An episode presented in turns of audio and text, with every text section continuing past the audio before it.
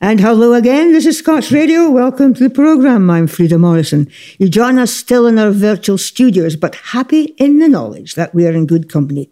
Our mission this episode is to try and get a picture of far we are new and Fitzbee and Dean about it. Far we are new meaning we need our studios, but meaning our performing arts and culture. We will consult our oracle, made up of Steve Byrne and Gerda Stevenson. That comes later. And Jack Capener gives us an update on the campaign for the Scots Language Act and board.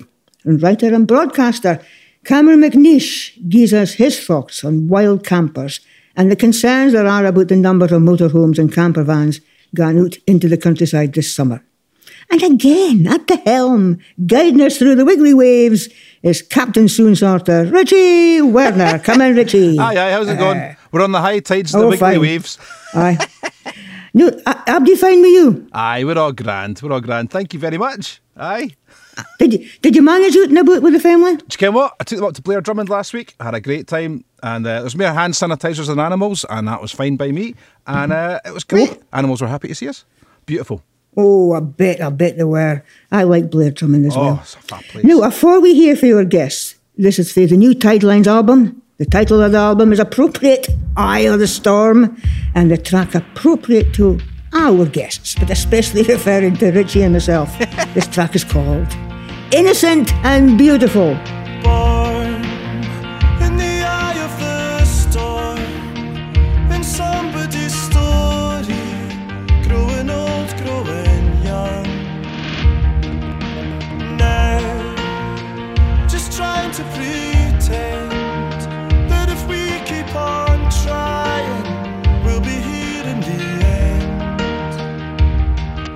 Before the night is over? Will you dance a little closer while the crowds move all around us? We can stay.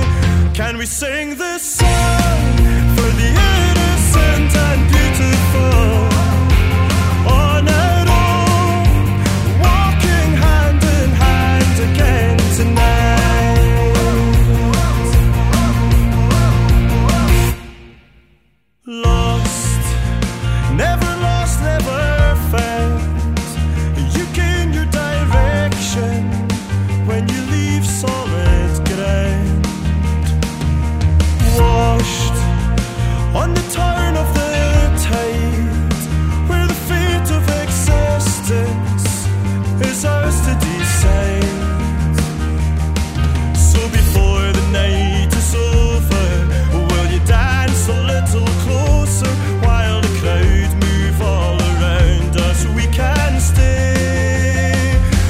sing this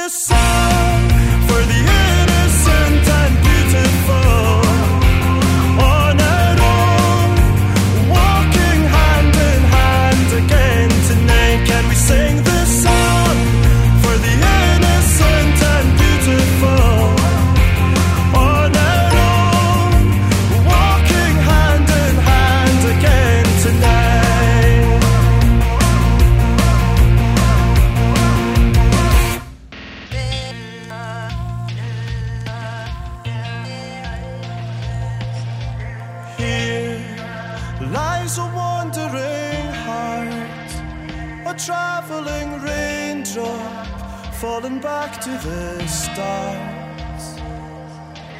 Lying alone in arms, with nothing to hold us back from the years with their twists and their turns. So before the night is over, will you dance a little closer while the crowd move all around us? We can stay. Can we sing this song for the innocent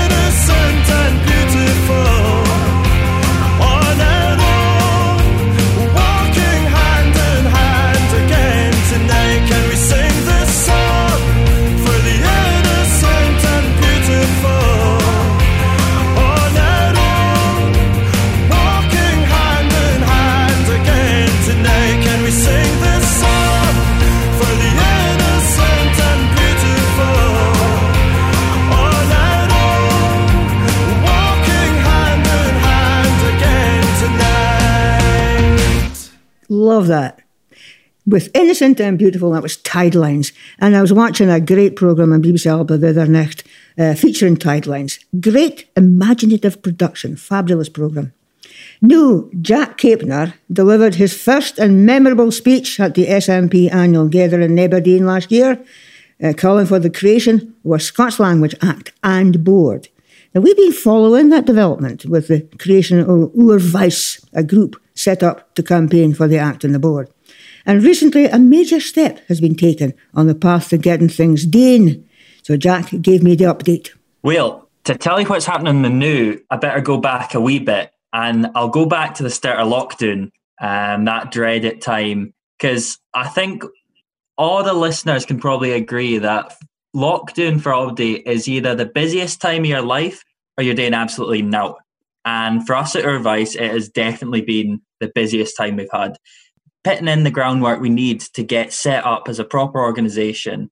We've had uh, an election for committee members to put themselves for it and, and get voted onto the committee. Had discussions about what kind of roles we need. Over the past few months, we've been deciding what exactly we want to be doing as a as a campaign, and taking the kind of that today list and uh, working out what positions we need in the committee for that. We'll kind of go over the whole committee. But think about your chair. As the new chair? So it's uh, it's a child called Ewan Campbell, and uh, he's a trainee solicitor, which is uh, a really, I think, a really positive thing. Whatever you say about lawyers, but uh, he, he, understands the the legal side of things. He understands kind of parliamentary procedure, the way that consultations work with the government, and that's kind of what we're needing the new a real kind of concerted political effort that focuses on getting to ken who government works and using that to advantage to get a Scots Language Act. Now then, we have got the committee stage. And as you can, that's fun. Nothing just settles. And now you've got to start opening the doors and finding the keys on how to open the doors. What's your next step? Well, seeing we've got a committee, we have umpteen next steps because uh, Obdi has a role and Obdi has a portfolio, and we we set a list of jobs that they can get cracking on with now. So on the academic side of things, um, we're wanting to be big and Mayor Briggs with that community because it's their research that will inform what we are doing, um, what the act will look like, and who will engage with the government we're going to base everything on research and evidence. So we need to be using the academic community for that. On the political campaigning side of things, we're talking about petitions, open letters, meetings with MSPs. That's all on the cards and that's all upcoming. We just need to get working on that. In, in funds, a big important thing, we're actually looking at a funding opportunity with the Royal Society of Edinburgh in general, just opening ourselves up for more discussions with bodies that need more Scots representation. So we've already done a consultation with the National Galleries of Scotland to kind of let them ken what we feel needs done with Scots in the gallery spaces and hopefully get it more represented in these spaces. I think there's real value to be had engaging with broadcasting. Um, as yourself, Ken, you know, if they run in Scots radio, there really just isn't enough Scots in broadcasting. And it doesn't make any sense to a lot of the country that so many folks speak Scots but never hear it in any sort of formal communication channels. They never hear it when they're in a boot. They never see it. They only hear it amongst themselves. Um, so we really need to be reaching out to communities like that, like the broadcasting industry, and you know, tell them that what's happening in the new isn't necessarily good enough, and uh, we need to be doing more for Scots. Jack Capener of Oor Vyce, and we'll keep you updated on developments. Now, this is for you know my favourite albums, Northern Sky by Pete Coutts, with songs in Scots. This is Sailing O'er.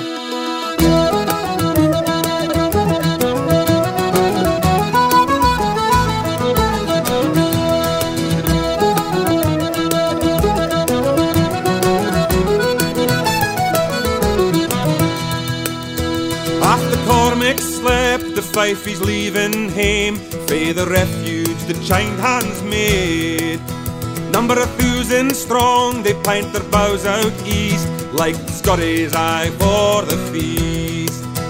But in the nets they drift the lifeline to the deep, sixty fathoms in the Blackdale Sea.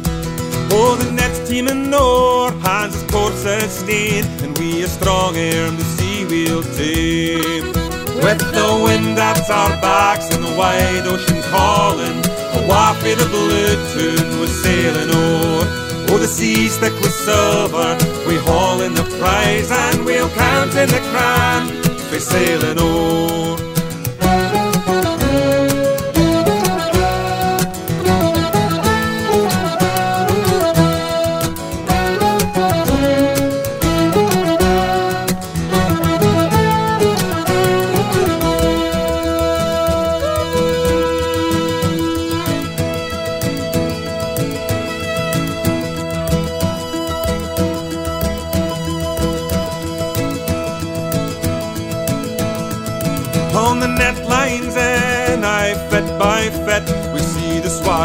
Mass below. We are backspin toward the darlings in Bain, heave 'em up and lay in baskets low. With the wind at our backs and the wide ocean calling, a waft of the blue tune we're sailing o'er.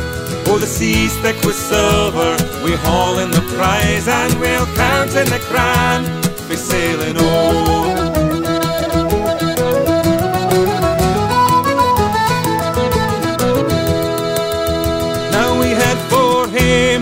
Boats are weighing low. The gut and quine is wide by the shore.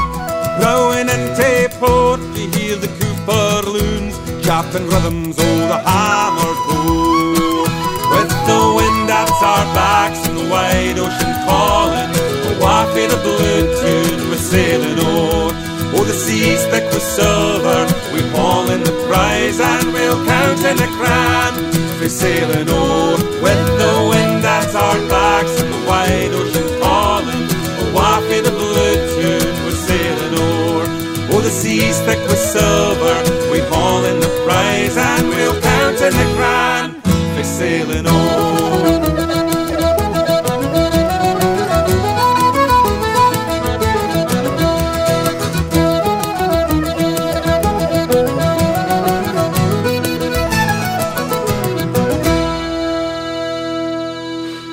Pete was sailing o'er for his album Northern Sky. Cracking album. His songs in Northeast Scots with lovely contemporary arrangements. Just recht. Well, as I said earlier in this episode, we're trying to get a handle on fits happening out and about. Fits happening in our creative industries and in particular that that means for performers in the trad arts. Well, well, we maybe haven't again as far as Delphi, but we, we can consult our oracle chosen for their wisdom and their multi talents. Each one has a wide vision and skills to accompany their observations and opinions. In his Tranent studio, musician and folklorist, Scots Singer of the Year, welcome Steve Byrne. Aye, aye, Frieda, fit like. Oh, we're doing fine. I'm glad to hear you. It's always great to feel that we're connected somehow. Aye. And again, we have a multitude of skills. For Carlops near Penicuik, writer, actor, director, singer, songwriter Gerda Stevenson. Gerda, hello. Hello, Frieda. Fits your part of the country looking like? Um, Dreich. It's, uh, um, you know, that kind of smur rain that's coming down. Mochy. Mochy, as we would call it up here in Aberdeenshire. Mochy. And that is, and your talents, Gerda, that's just skimming the surface of your, your talents. Your poetry, your drama, and your prose. And Gerda, you're often, often on, on the wireless broadcasting, and your work is studied in Glasgow University's Contemporary Scottish Literature course. And recently, your, your poems appeared in the Manchester Writing School poetry collection called Right Where We Are Now, which is very apt, of course, for, for the day. Fit as fit we are going to try and work out in this session together.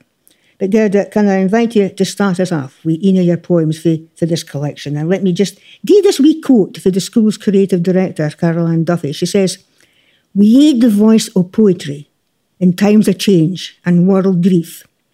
A poem only seeks to add to the world, and now seems the time to give.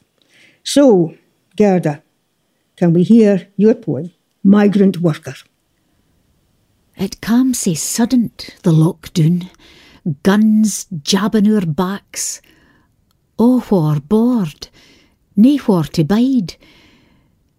We were in the swat shop, my bairns and me, at the machines, stitching zips, three hundred atween us an hour, pern threed casting stour through a gash o' licht, blearing my vision.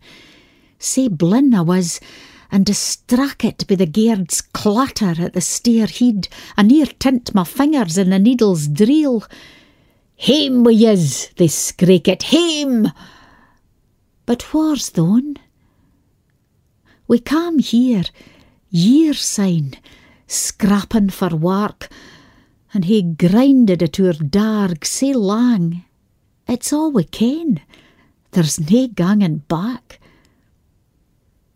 A clump o' swatch o' claith to mak a bield for us come nicht. Cramasy gabardine, gear for a queen, baget on my sark, and we're out. Shoothers, hurdays, breasts, duncheon into folk like herdit coos and muckle swaws as far's urine can see. My bairns grup at me and greet, but nae comfort can I gie. Yon claith arrived will mair like be our winding sheet nor bield, for we hae been forsaken surely. A breathen chain, elk link, grouthy grun, for the sleekit canker to spread its hornet croon. Thank you, Gerda. The sleekit canker to spread its hornet croon for migrant worker. Say, back to our focus. First question, far are we? Maybe getting on to fit new, but far are we at this moment? Let's get into the gunnels. Far are we now? Steve, fits your overview of the situation. Well, I suppose I could start from my own perspective. I mean, we had a, a bra year with a band lined up, Malinky. We were kind of celebrating our 20th anniversary last year, and we had the, the new album to, to tack to our Erts and Perts. We were due to get into Canada in about a week's time, and basically, all the gigs for kind of March through to October has been uh, cancelled and put, put back till next year. And I think there's a wheen of folk in the same boat, really, to be honest. Um, it's just folk didn't really ken what's what's ahead of them, and especially in the folk scene, it's not like we are like kind of fixed venues or or theatres that kind of have a I suppose a more regular setup when you're more in the freelance uh, world and you're going from place to place, then you hear a bit more of uncertainty. So I suppose there's been various attempts to try and, and keep things going, especially for folk that does uh, music the whole time. I'm in the lucky position that I didn't do that. I hear other things on the go and as I was saying to you before, there's there's folk that has kind of portfolio careers and is able to gang and, and do bits and pieces of teaching and other work that they hae sitting at their laptop. But as far as the performing goes, it's a it's a bit of a a sair fecht the new and, and nobody really kens when they'll manage to get back onto the onto the stage. Is a, is a, a big bit of the problem the nae kenning, the nae kenning if it's going to happen? I suppose it is because I, I mean when you hear a lead a, a gigs in, in the calendar in your, your diary, you're sitting there, you, you kind of can plan ahead. You know, a lot of folk are in the boat where they have to kind of plan for gig to gig, and uh, or at least they can they have a tour coming up in six and six a month, so they can then do a bit of teaching or they can tack a brack at that time, that sort of thing. So folks been trying to kind of stop through, stop the, the gaps with the, the various things they've tried out and if I'm honest with you, I've no managed to find that much time to do a lot of the online and the live performances that folks been doing with the videos, just because of that much going on with the, the family and, and other things. Um, but I suppose, to be honest you, I think we've kind of reached a bit of saturation point now. I mean, mm-hmm. folks had mm-hmm. two or three months, and, and even just naturally, folk are a bit of wabbit. We we try to keep their energy going. I mean, even Duncan Chisholm was doing a tune a day, and he's he's kind of put a, the pause on that now after a few months. So it's difficult to ken. I mean, the we've spoken before that the, the, the scene was never in the, the most healthy position either because it was kind of fragile. So I suppose that this current situation has has put a big magnifying glass over what was actually wrong with the scene. You can no no disrespect to the, the music or what's been produced, but the actual structure, the infrastructure of the scene. Is it the is, model that's under threat, then, Steve? I suppose it would be. I mean, we we've spoken a time about the fact that you can fees haven't gone up with the cost of living. Folk clubs are under threat because there's no younger organisers coming through, and there's more and more musicians coming through, and there are fewer and fewer gigs. Uh, and it sounds like a bit of an old moon, but it's a reality check. I mean, I mind doing a, a contribution to the the Trad Arts working group that Dave Francis convened, got about ten or eleven years sign. And at that time, Malinky was pretty much full time, and we were away in Canada and America and I think, and, and we were coming back with about the same wage as a junior secretary starting out, and we were away doing hundreds of gigs. I mean, I think we did something like 150 gigs in about 18 months, which you can, uh, it's and perks. It's not even the, the full time whack that some of your, your big names is able to do, but we were absolutely wabbit because we'd been knocking our pans in doing gigs mm-hmm. here, there, and our way, and we couldn't get anything near a kind of living wage off it. So that kind of thing has really persisted, to be perfectly honest. And the Corona scenario is what has has I suppose brought it into focus that we hate to look at the scene and, and say, Aye. is this actually working the right way for us all? Well, I'm going to go on to that bit in the next session. I've just wanted to establish fit we're, fit we're speaking about first. Gerda, you're taking the situation. Well, um, a lot of what Steve says is my experience as well. I had a whole series of gigs, poetry readings, and I was doing a tour with uh, Freeland Barbour around uh, various festivals and places on the songs of Lady Nairne because he's got a beautiful biography out, which we featured in our last program, of course. Right. And and he's published her her uh, fantastic songs, the Lays of Strathearn, yep. which have been not been published for um, over a hundred years out of print and that's all all those gigs are cancelled. We've been told that people that, the organizations will take us next year if it's going ahead but you just it's all uncertainty. And as far as theatre is concerned well actually i mean i think people always think that because there's a lot of buildings um, with plush velvet seats and it kind of in boxes and all the rest of it it's it's a kind of uh, uh, these are edifices that are part of the establishment. But actually they are extremely vulnerable because these um, theatres have to pay rent. They've got n- mostly their systems of air uh, don't have air exchange going through them like you do on airplanes. There's, I mean, they rely on income from box office, and at thirty percent, if you cut it all down, you know the numbers, it just wouldn't work. And most actors, in fact, all actors, apart from there's a very small core at Dundee Rep that has an ensemble, and I imagine, I don't know whether they'll be on furlough or not. And the Royal Shakespeare sometimes has a, a, a core, but all other theatres have do not have repertory companies anymore. So all actors are um, freelance. So we're in exactly the same position as all the musicians. Yep. Can I can I just uh, ask the awkward question. There's them that says, well, fits the ease of culture when we've got food banks. Uh, since since time began, human beings have expressed themselves through art. You've got the amazing cave paintings that we can see from thousands of years ago. It's part of humanity. It's part. It's a civilizing factor in humanity. It's as fundamental, in my view, uh, to the nourishment of the soul and the spirit as it is to um, you know all other kind of nourishments food banks. Now of course of course you've got to start with health and people you know you know you can't have people starving. They're not going to be able to live on poetry and theatre and music.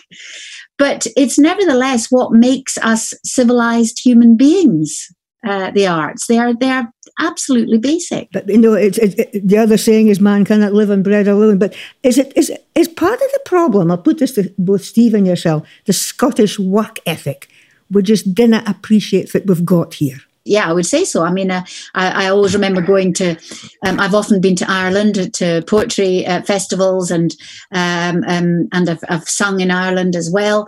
And I remember going to one uh, in Donegal, and I was at the checkout in a supermarket, and the the the woman at the checkout said to me, "Oh, are you here for the poetry?" And I said. Um, yes, yes, I am. I'm a poet. She said, "Oh, that's grand. That's grand."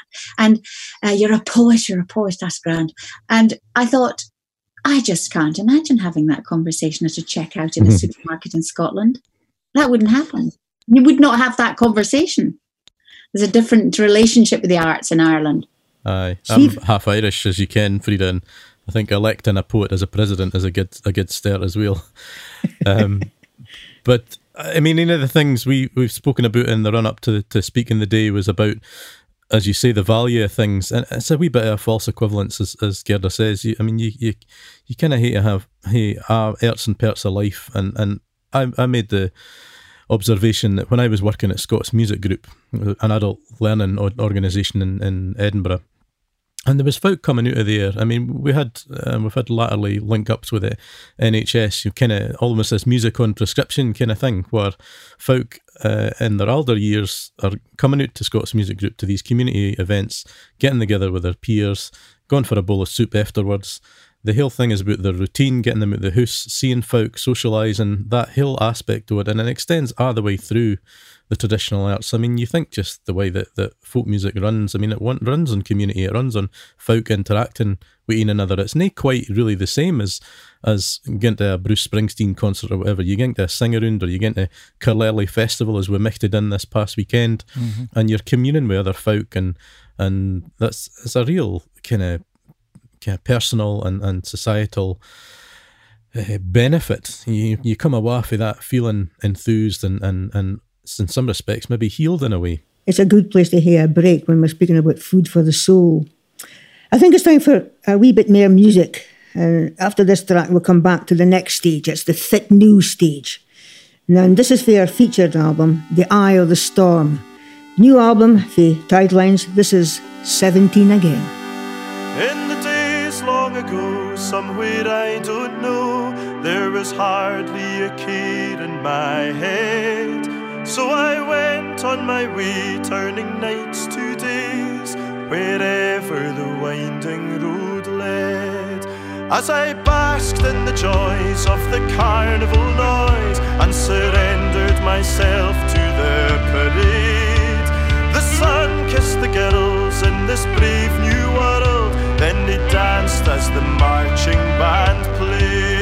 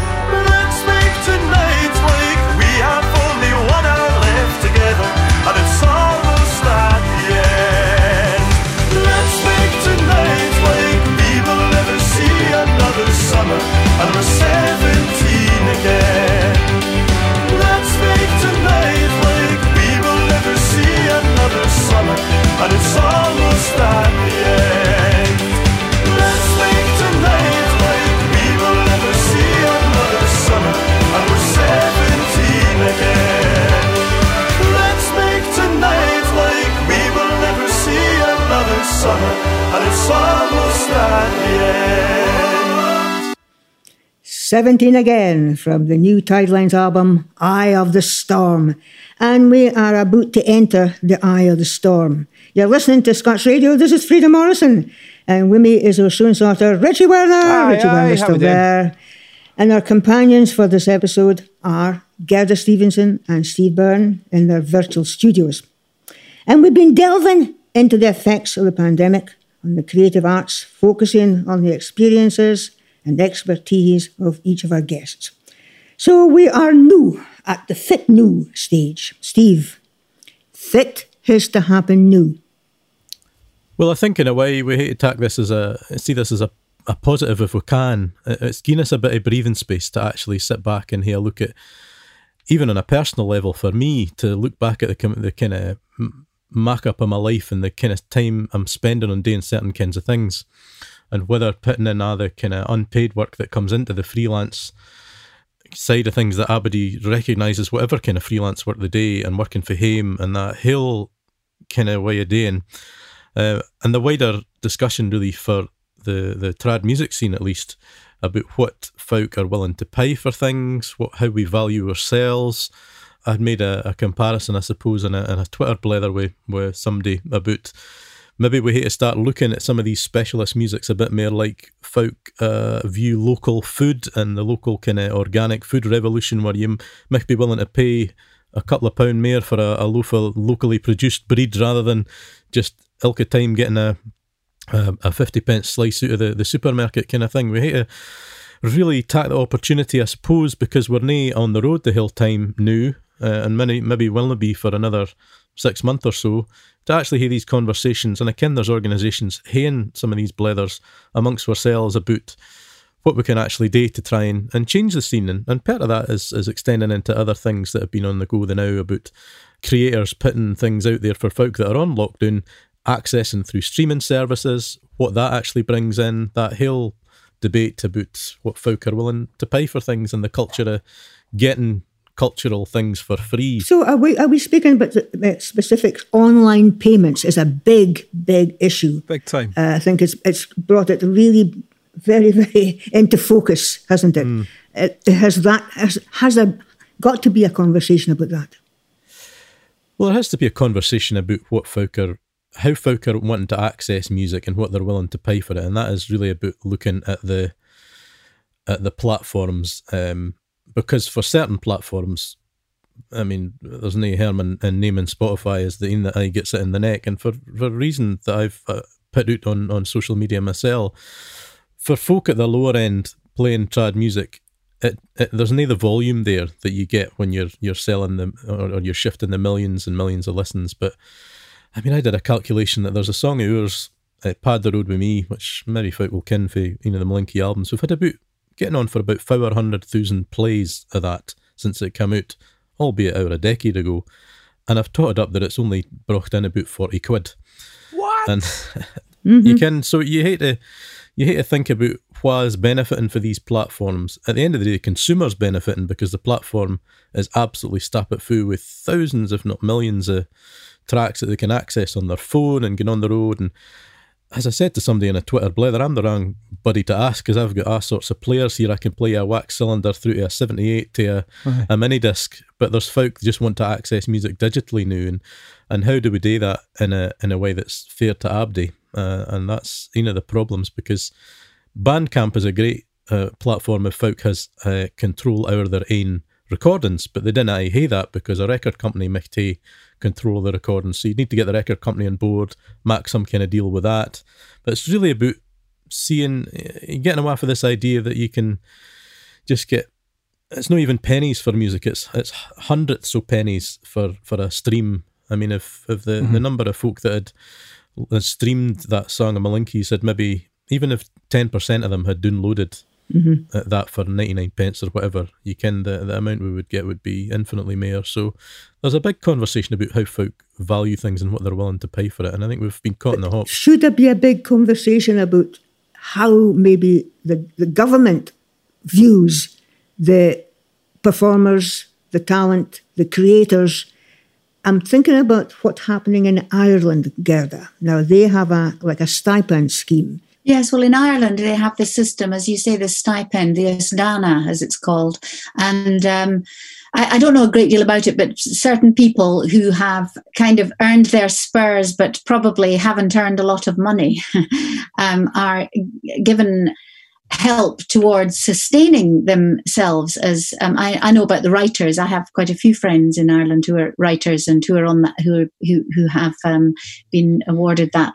And um, i think that's a very kind of forward looking and civilized way of looking at things. But i mean I, I, I just can't see that washing in scotland because i think we ha- i think our our whole uh, presbyterian worth ethic would just wouldn't allow for it and I mean, the, I, the, fact is, as Steve is pointing out, I mean, artists basically subsidize the arts. The vast majority of artists in all fields subsidize their art forms.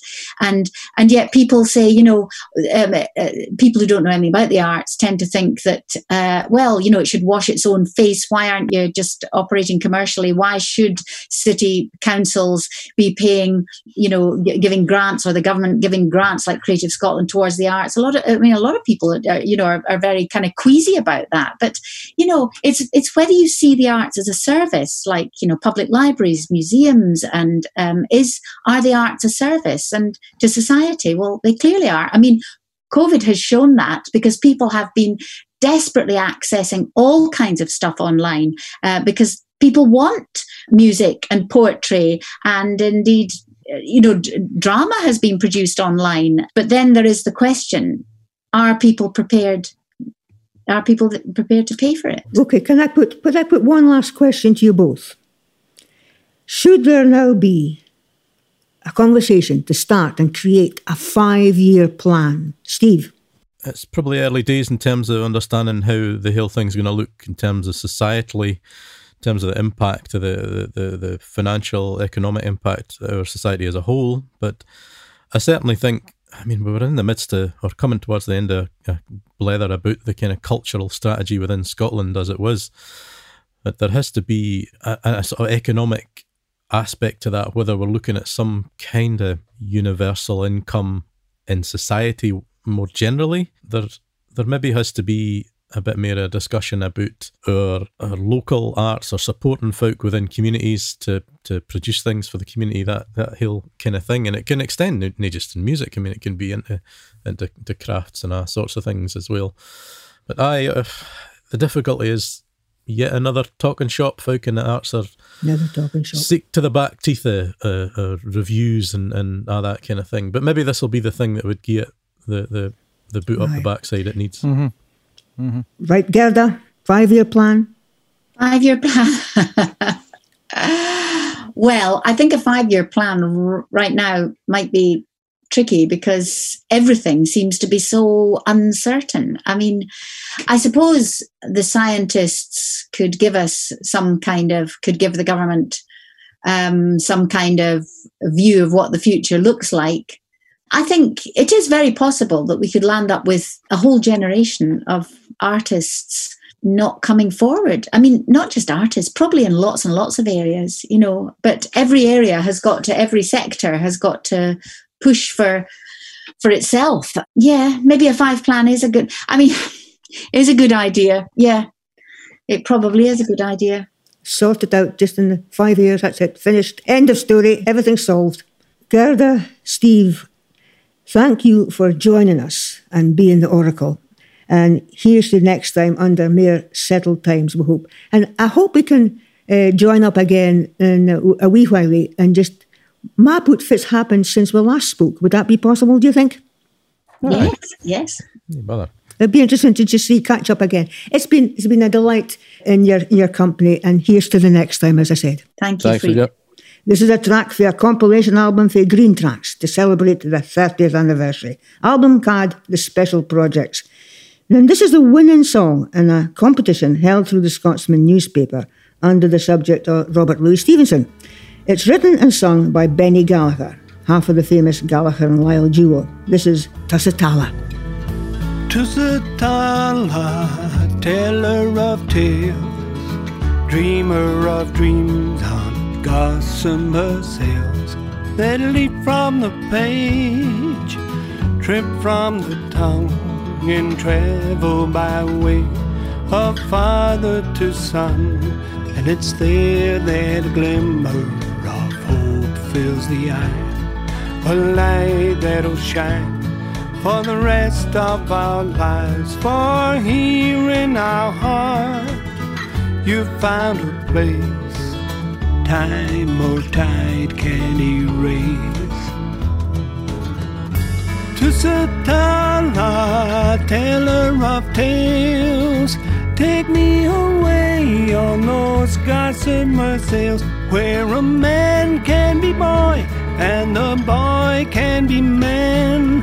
Something only you would understand. To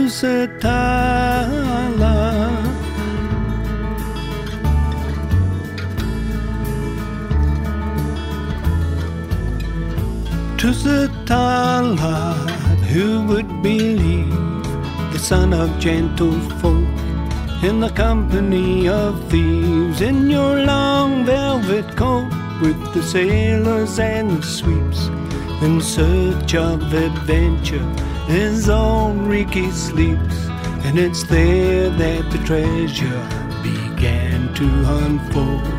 A prize you can measure by silver or gold, for here in our hands, bound at the seams, we hold the dreams that you dreamed.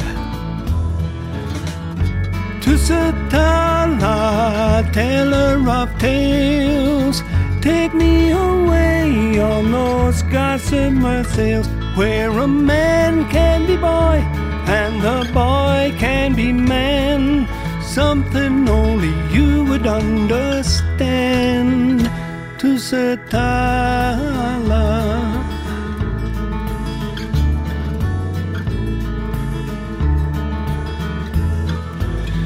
If you could see the look upon our children's faces, you'd know for sure that you've had more than workman's wages.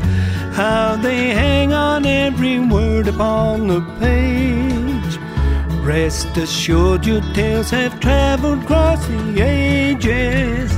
Tusitala, teller of tales, take me away on those gossamer sails, where a man can be boy and a boy can be man.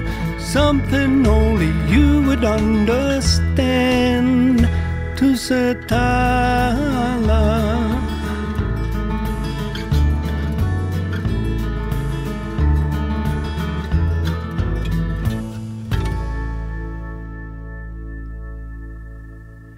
A lovely song, lovely singer. Benny Gallagher with Tusitala from the Greentrax compilation album Special Projects. Tusitala is Robert Louis Stevenson, and he took the native name Tusitala, which is Samoan for teller of tales. And our next guest, Cameron McNeish, is one of the best teller of tales I've come across, renowned for his wonderful tales on journeys around the hills and glens of Scotland. His book, There's Always the Hills, is a favourite amongst climbers, hill walkers, and lovers of the natural world and Scottish history.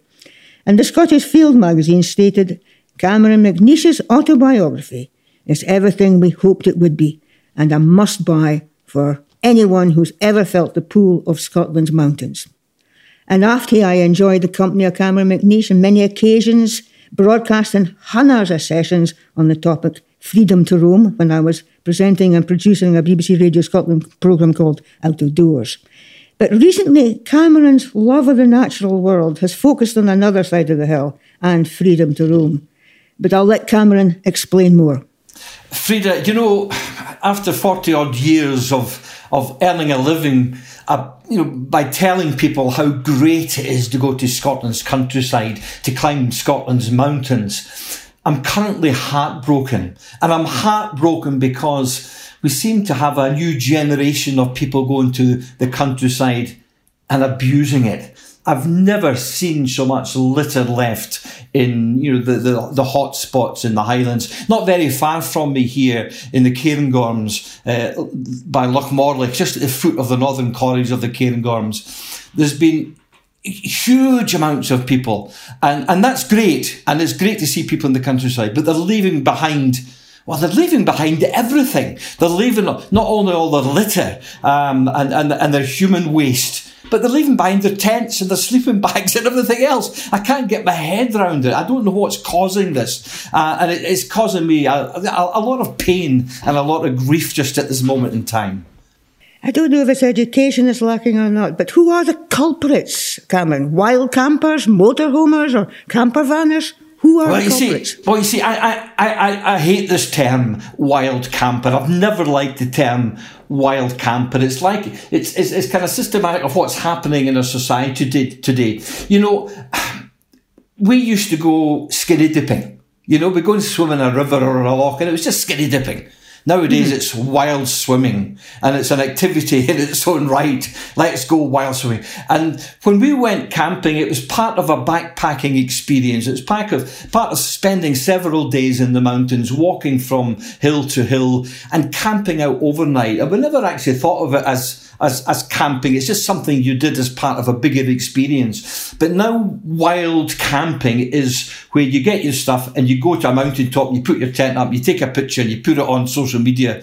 Uh, and, and this is wild camping. Now, unfortunately, wild camping is also being seen as driving to a car park or a lay-by, taking a tent out the back, walking three or four paces, putting the tent up, um, having a crate of beer, having your pals round and having a bit of a rave by the side of the road and leaving all your rubbish behind. So the people who are the genuine long distance walkers. and a very good example of this is uh, walkers on the West Highland Way going through the Loch Lomond and Trossachs National Park. Now, they're now classed as wild campers. And under the bylaws that Loch Lomond National Park has created, they can be criminalised by simply putting the tent down, resting for the night, and walking on the next morning. So we've got, you know, all these trends of of, of, of, camping. And also now you know motorhomes and camper vans are being classed as wild campers. And I don't know about you Frieda if I spend a night in my camper van I, I don't re- regard it as camping. It's spending a night in my camper van with my your stove comfy and bed, your my, comfy my, bed and a stove. My yeah. telly, my porta potty. You know, it's not camping. but all of a sudden, we're all classed in this together, yeah. and it's it's got a bad name. You know, it's become toxic. The term wild camping has become toxic. Now, we can see reports on social media that this is happening in our country, as you said, and, and we're hearing some shocking reports, Cameron. A story from a countryside ranger the other day. She spends Monday cleaning up the campfires, putting out some of them, and the rest of the week cleaning up the litter. And I want to go into detail what that means. But Cameron, our people are being encouraged to staycation, need to go on holiday uh, abroad, so they head for the countryside. And the weekend sees a huge influx of folk, families into the countryside. And the sales of motorhomes and camper vans have multiplied by the day. This is a situation. Fit should be done about the damage.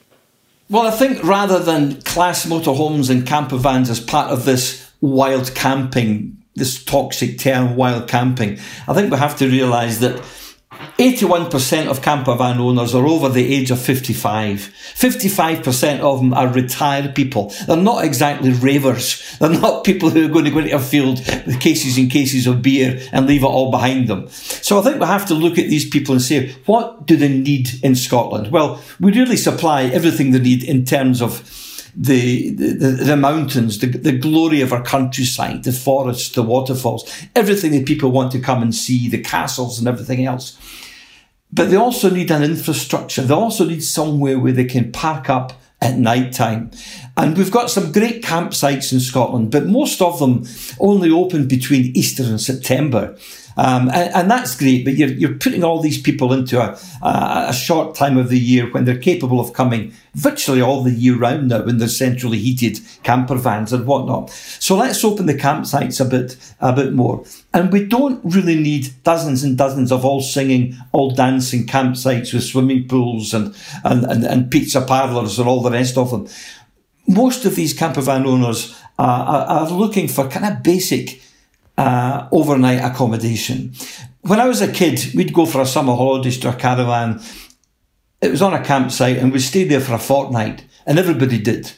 But attitudes have changed now. People want to move around the countryside. These people using camper vans and motorhomers are, are hill walkers or they're paddlers or they're, they're, they're, they're ornithologists or, or, or whatever. They want to move around. They're much more adventurous these days. So let's create an infrastructure of low cost uh, overnight parking places with somewhere where people can dump the waste from the camper van, maybe somewhere where they can hook up to an electric point, but that's not totally necessary. Um, but let's create these around the countryside. Let's put them near um, small villages where the villages can get the benefit of the spend of these camper van owners.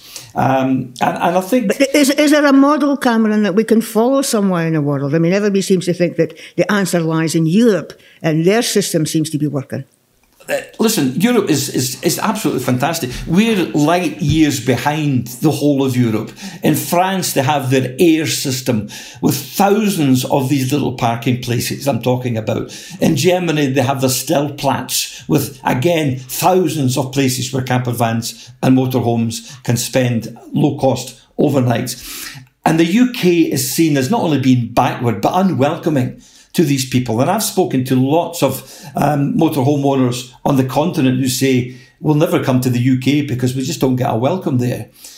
So let's change that. Let's let's let's let's let's start creating some of these. I would, I would urge community councils to consider this. Have a wee look round the fringes of villages of you know, somewhere a car park that maybe lies empty every night.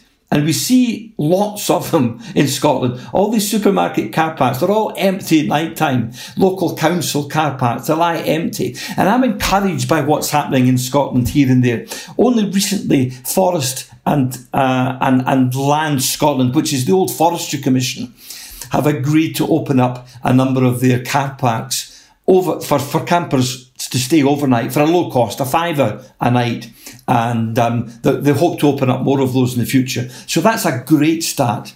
I'd love to see it, community is it, is it, Cameron, is it, is it new time for, the, for government action, though? Well, the government, we've seen government action. The government has given quite a lot of money um, to local councils to create an infrastructure for for tourism. But I kind of suspect they're spending it on the wrong things. So maybe we have to go back to, to government. And, and I know Fergus Ewing, who's the tourism minister, is very keen to attract camper vans and motorhomes to Scotland. He's very keen to put out a welcome. But they can only do so much. They can give councils big wads of money, but the councils really have to use that sensibly. Uh, and at the moment, I suspect maybe they're not. We're seeing it in some areas. Some areas great things are happening. If you go to the Western Isles, it's fantastic. And there's maybe a wee there's maybe a wee lesson to be learned here. North Harris Community Trust and West Harris Community Trust, those areas are probably the best places in the UK to go camper vanning because they put in we you know like laybys with beautiful views of Luskentyre Beach or whatever with a wee sign that says if you've enjoyed staying here help us with the upkeep of this uh, little car park uh, we'd ask you to donate something to you know, to this website and it's fantastic North Harris Community Trust a beautiful place called Hushinish on the west coast of Harris I've actually built a, a shower block and they've put in half a dozen electric hookup points. Uh, and so now these are community owned bits of land. It, it, can work both ways. It can be a, a win-win scenario. But if we take this attitude that, you know, you people are wild campers, you leave a mess, we don't want you here, we're actually turning away a potentially massive, massive tourism income. Cameron McNeish, and good to finish on a positive note. And it's time we had a lot for Cameron in this programme we need to get out in the hills more, fan we can. And there's always the hills. And for Richie and myself, if it needs to be doing well, we need to close the cupboard doors and tell you to keep safe and keep well. And we'll be back in no time at all, eh, Richie? Aye, no time at all. No time at all, I'm never far away. we finish as we started with an appropriate song that has the familiar words. Fan we fell, we aye got up again. Doesn't seem that long ago when I sat listening to Tony Cuff singing this very song? And this is Tony, we say will we yet. Sitting down here, my cronies, and gay as your crack. Let the wind pack the cares of this life on its back. For our hearts to despondency we never will submit. But will I been provided for and see will we yet.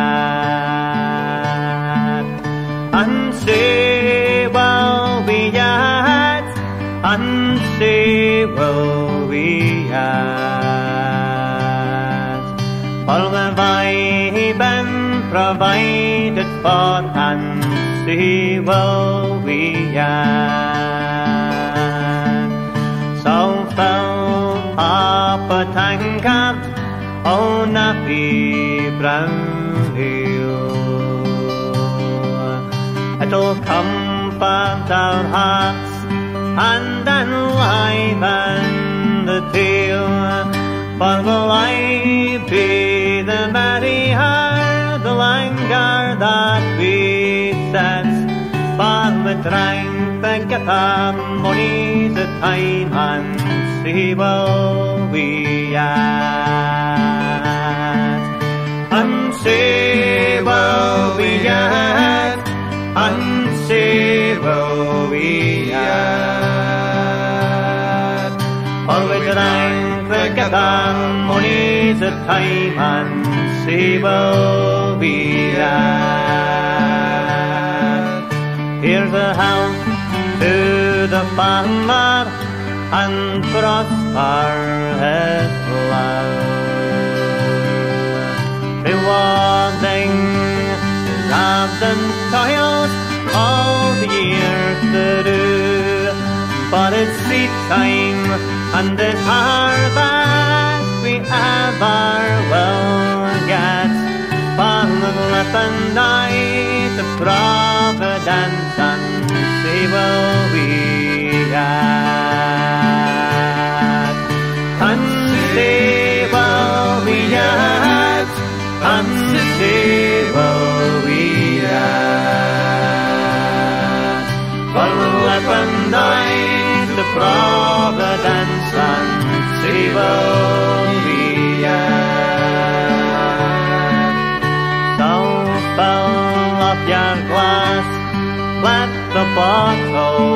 in. For the sun that will rise, though the moon has been dim, and though the room be running, run about, it's time enough flat. When we fell, we I got up again and see will we yet.